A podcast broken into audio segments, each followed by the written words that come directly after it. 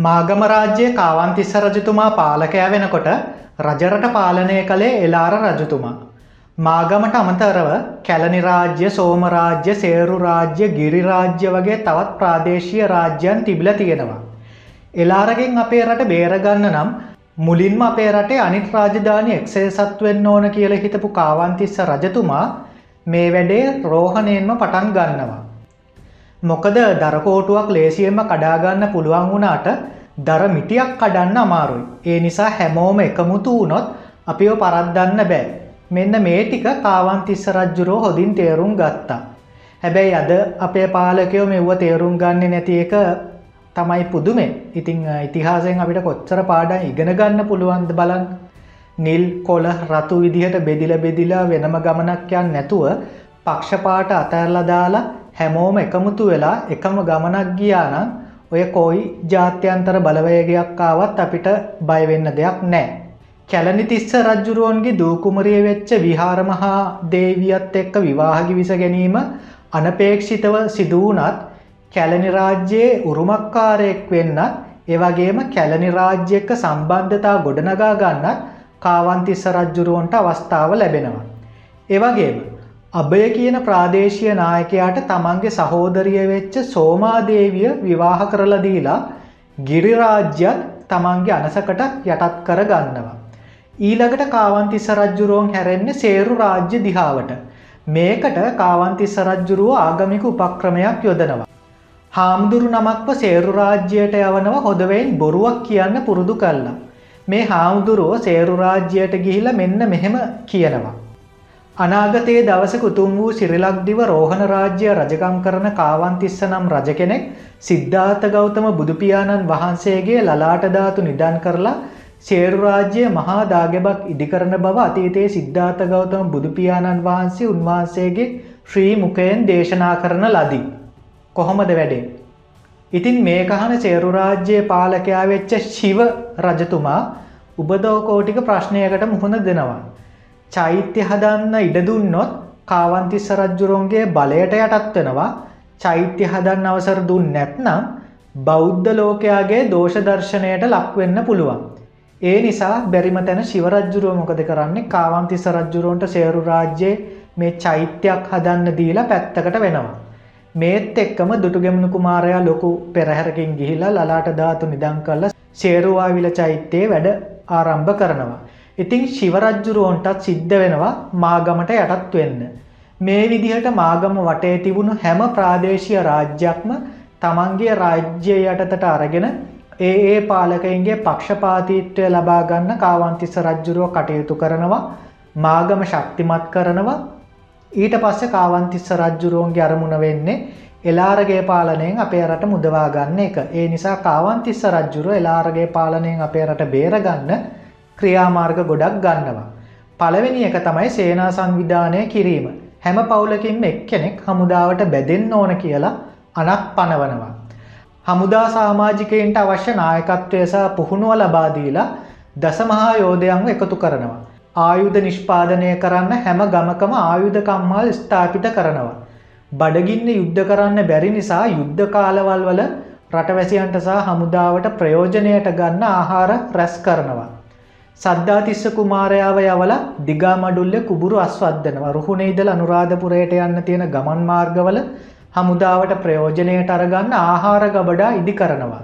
යුද්ධයට ඕන කරන සැලසුම් නිර්මාණය කරනවා දේශසීමා සලකුණු කල්ල එලාර රජ්ජුරුවන්ගේ බලව්‍යාප්තිය සීමා කරනවා.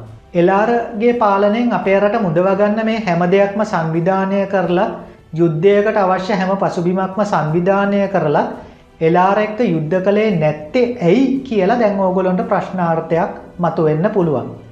අපේ රට ඉතිහාසඥයන් මේකට හේතු තුනක් දක්වනවා. පළවෙනි හේතුව තමයි එලාරගේ ජනප්‍රියත්වය. දැන් වංශ කතාවලට අනුව එලාර කියන්න බොහොම කරුණාවන්ත රජ කෙනෙක්. ඒත් තමන්ගේ රට වගේ හැටගුණයක් පුංචි රටක් ආක්‍රමණය කරපු කෙනෙක් ආක්‍රමණිකෙක් කරුණාවන්ත කෙනෙක් වෙන්න කොහොමද කියලා ප්‍රශ්නයක් මතු වෙනවා. කොහොම හරි වංශ කතාවල තියෙන විදියට මේ එලාර කියල කියන්නේ යුක්තිය සාධාරණත්වය අගය කරපු කෙනෙක්. ඒ නිසා අපේ රටේ සමහරක් මිනිස්සු අතර එලාර රජ්ජුරෝ ජනප්‍රිය වුනාය කියල සඳහන් වෙනවා. ඉතින් මිනිස්සු ආදරය කරන පක්ෂපාතීත්වය දක්වන්න කෙනෙක් තමයි එලාර කියලා කියන්නේ. ඉතින් එලාර එක්ක යුද්ධ කළා එලාරව මැරුවොත් එලාර ලබාගෙන තිබිච්ච ජනප්‍රියත්වය නිසා කාවන්තිස්ස රජ්ජුරුවන්ට විරුද්ධව ලොකු ජනතා බලවේගයක් ගොඩනගෙන්න පුළුවන්. ඒවගේම එලාර එක්ක යුද්ධ කරනකොට ජනතා සහ එලාරට ලැබිලා එලාර ජයග්‍රහණය කරන්නත් ඉඩ තියෙනවා. දෙවිනි කාරණාව තමයි වයස් පරතරය දැන් කාවන්තිස්ස රජ්ජුරුව ගොඩක් මහලුයි එලාර රජ්ජුරුව කාවන්තිස්ස රජ්ජුරුවන්ට වඩා සාපේක්ෂව බාලයි. ඉතින් කායික හෝ මානසික ශක්තියක් නැහැ කියල කියන්නේ මානව ලක්ෂණනුව කොහොමත් කාර්යශූර වෙන්න බෑ ඉතින් එලාර එක්ක යුද්ධ කළොත් අනිවාර්යම කාවන්තිස්ස රජ්ජුරුවන්ට යුද්ධයෙන් පරාජයට පත්වෙන්න සිද්ධ වෙනවා. ඒවගේම එලාර අපේ රට පාලනය කරනකොට දකුණු ඉන්දියාව සහ උතුරු ඉන්දියාව අපේ රට දිහාවට හැගාගෙන ඉදලා තියෙනවා. බැරි වෙලාවත් එලාර එක්ක යුද්ධ කරනකොට එලාර ඉන්දියාවය රාජ්‍යවලින් උදව්විල්ලුවොත් අනිවාරයෙන්ම හෙන් හමුදාව එවනවා. ඒක නිසා උතුරුසා දකුණු ඉන්දිය අධිරාජ්‍යන් එලාර ගැන හොයල බලන්න බැරිවෙන තරමටම දුරුවල වෙනකම් කාවන්තිස්ස රජ්ජුරුව බලාගෙන හිටිය. දුඩුගැමුණු රජතුමා එලාර එක්ක යුද්ධ කරනකොට එලාරගේ උදව්වට ඉන්දියාවෙන් හමුදාවක් ආවාය කියල සඳහන් වෙනවා. ඉතින් මේක තමයි සැබෑ පාලකෙක්ට තියෙන්න ඕනදේ දුරදිග සිතා බැලීමේ හැකියාව ඉතින් කාවන්තිස්ස රජ්ජුරෝ කොච්චර දුරට මේක ගැන හිතුවද කියලා ඒ වගේම හොදට විචාරපූරක කල්පනා කරලා තමයි මේ පාලන කටයුතු සිද්ධ කල්ලා තියෙන්නේ. ඉතිං එලාර රජ්ජුරුව එක යුද්ධ නොකලට අපිට කාවන්තිස්ස රජ්ජුරුවන්ගේ කාර සාපල්්‍ය කොහෙත්ම අවතක්සේරු කරන්න බෑ. මොකද මේ කරුණුත් එක්ක බලනකොට දුටු ගැමුණු විජයග්‍රාණය සැබෑ නියමුවා වෙන්න ඕන කාවන්තිස්ස රජ්ජුරුවෝ. දැන් මහාවංශය රචනා කරන මහානාම හාමුදුරුවෝ කාවන්තිස්ස රජ්ජුරු දුර්වල පාලකයෙක් විදියට හඳුන්වනවා ඒ වගේම ඔය දුටු ගැමුණු කුමාරයා කාන්තා වස්්‍රාභරණ යව්වාය කියල සිදුවීමක් සඳහන් වෙනවා. මොකද මහානාම හාමුදුරුවන්ට ලොකු ඕමනාවක් තිබිල තියනවා දුටුගෙමුණු චරිතය ප්‍රධාන තැනකට ගේන්න මහාවංශය මොකද දුටුගැමුණු රජ්ජුරුව මහාවිහාරයට ගොඩක් අනුග්‍රාය දක්වපු රජ කෙනෙක් ඉතින් මහාවංශයලියන මහානාම හාමුදුරුවොත් මහාවිහාරය හිමි නමක්. මේ නිසා දුටුගෙමුණු රජ්ජුරුවන් හා සමාන කාරසාපාලයක් සිද්ධ කරපු නමුත් මහාවිහාරයට අනුග්‍රාය දක්වපු නැති සහ මහාවිහාරයක ගැටුම් ඇති කරගත්තු රජුවරු ගැන මහානා මහාමුදුරුව ලියන්න බොහොම අඩුවෙන් ඉතින් කාවන්තිස්ස රජ්ජුරුවන්ටත් ඒක තමයි වෙන්න හැබැ කාවන්තිස්ස රජ්ජුරුව නැත්නම් දුටුගැමුණු රජ්ජුරුවන්ට මහ පරිච්චේද තිස් දෙගෙන් එකොලාහක්කම පෙනීදලා මහාවංශයේ වීරය වෙන්න හම්බවෙන්න නෑ. ඉතින් කාවන්තිස්ස රජ්ජුර එලාරෙක්ක යුද්ධ කරන්න සුදුසු කාලය මේක නෙමේ කියලා නිකං හිටිය නෑ ප්‍රාදේශය රාජ්‍ය ඇදාගෙන රුහුණේ බලය වර්ධනය කල්ලා හමුදා සංවිධානය කල් ආහාර නිෂ්පාදනය කල් ආයුධ නිෂ්පාදනය කල් ආයුධ පුහුණුව ලබාදීල සැලසුම් සකස් කරලා දේශසීමා ලකුණු කල්ලා මේ හැම දෙයක්ම කරන්න ලොකු දායකත්වයක් ලබා දුන්නා. හැබැයි දුටු ගැමුණු රජ්ජුරුවන්ට තිබ්බේ මේ ඔක්කෝම දේවල් ටික ක්‍රියාත්ම කරන්න විතරයි. එතකොට ඕගොල්ල දන්නවා ඕනෑම දෙයක් සැලසුම් කරන්නේ පසුබිම සකස් කරන්න බොහොම අමාරුයි නමුත් ක්‍රියාත්මක කිරීම ඊට සාපේක්ෂව බොහොම පහසුයි. ඉතින් කාවන්තිස්ස රජතුමා මේ දේවල් කිසිම අඩුපාඩුවක් නැතුව සංවිධානය කල්ලා තිබ්බ නිසා දුටු ගැමුණු රජ්ජුරුවන්ට තිබ මේවා ක්‍රියාත්මය කරන්න විතරයි බොහොම පහසුවෙන්. ඒ නිසා මේ විජයග්‍රහණයට ලොකු සේවාවක් කරපු කාවන්තිස්ස රජ්ජුරුවන්ව එහෙම අවතක්සේරු කරන එක නුවනට හුරු නෑ. මේ නිසා දුටුගැමුණු විජයග්‍රහණය අයිතියෙන් සීයකට පණහකටත් වඩා වැඩි ප්‍රතිශතයක් කාවන්තිස්ස රජ්ජුරෝන්ට ලබා දෙන්න ඕන කියන එක තමයි අද වෙනකොට ඉතිහාසඥයන්ගේ මතය.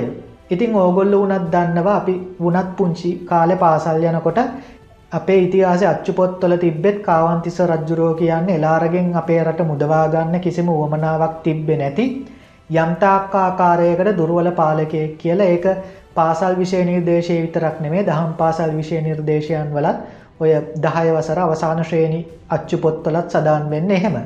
හැබැයි අදමම් මේ කියපු කරුණු අනුව ඔගොල්ලොන්ට වැටහෙන් නැති කාවන්තිස්ස රජ්ජුරුවෝ එලාරෙක්ක යුද්ධ නොකර ඊට සාධාරණ හේතු කිහිපයක් තිබ්බ නිසා නමුත් එලාරෙක්ක යුද්ධ නොකලට එතුමා එලාරෙක්ක යුද්ධ කරන්න අවශ්‍ය සෑම අංශයකින්ම අවශ්‍ය කරණය පසුබිම සකස් කල්ල තිබ්බා ඒ නිසා දුටුගැමුණු රජ්ජුරුවන්ට බොහොම පහසුවෙන් මේ දේවල් ක්‍රියාත්ම කරන්න විතරයි තිබ්බේ. ඉතින් අපි දන්නවා දුටුගැමුණු රජ්ජුරුවන්ට වඩා සෑහෙන අපේ වච්චනයෙන් කියනවන කට්ටක් කාපු රජවරු තව ඕනෑ තරම් හිටිය කටු කාපු රජවරු.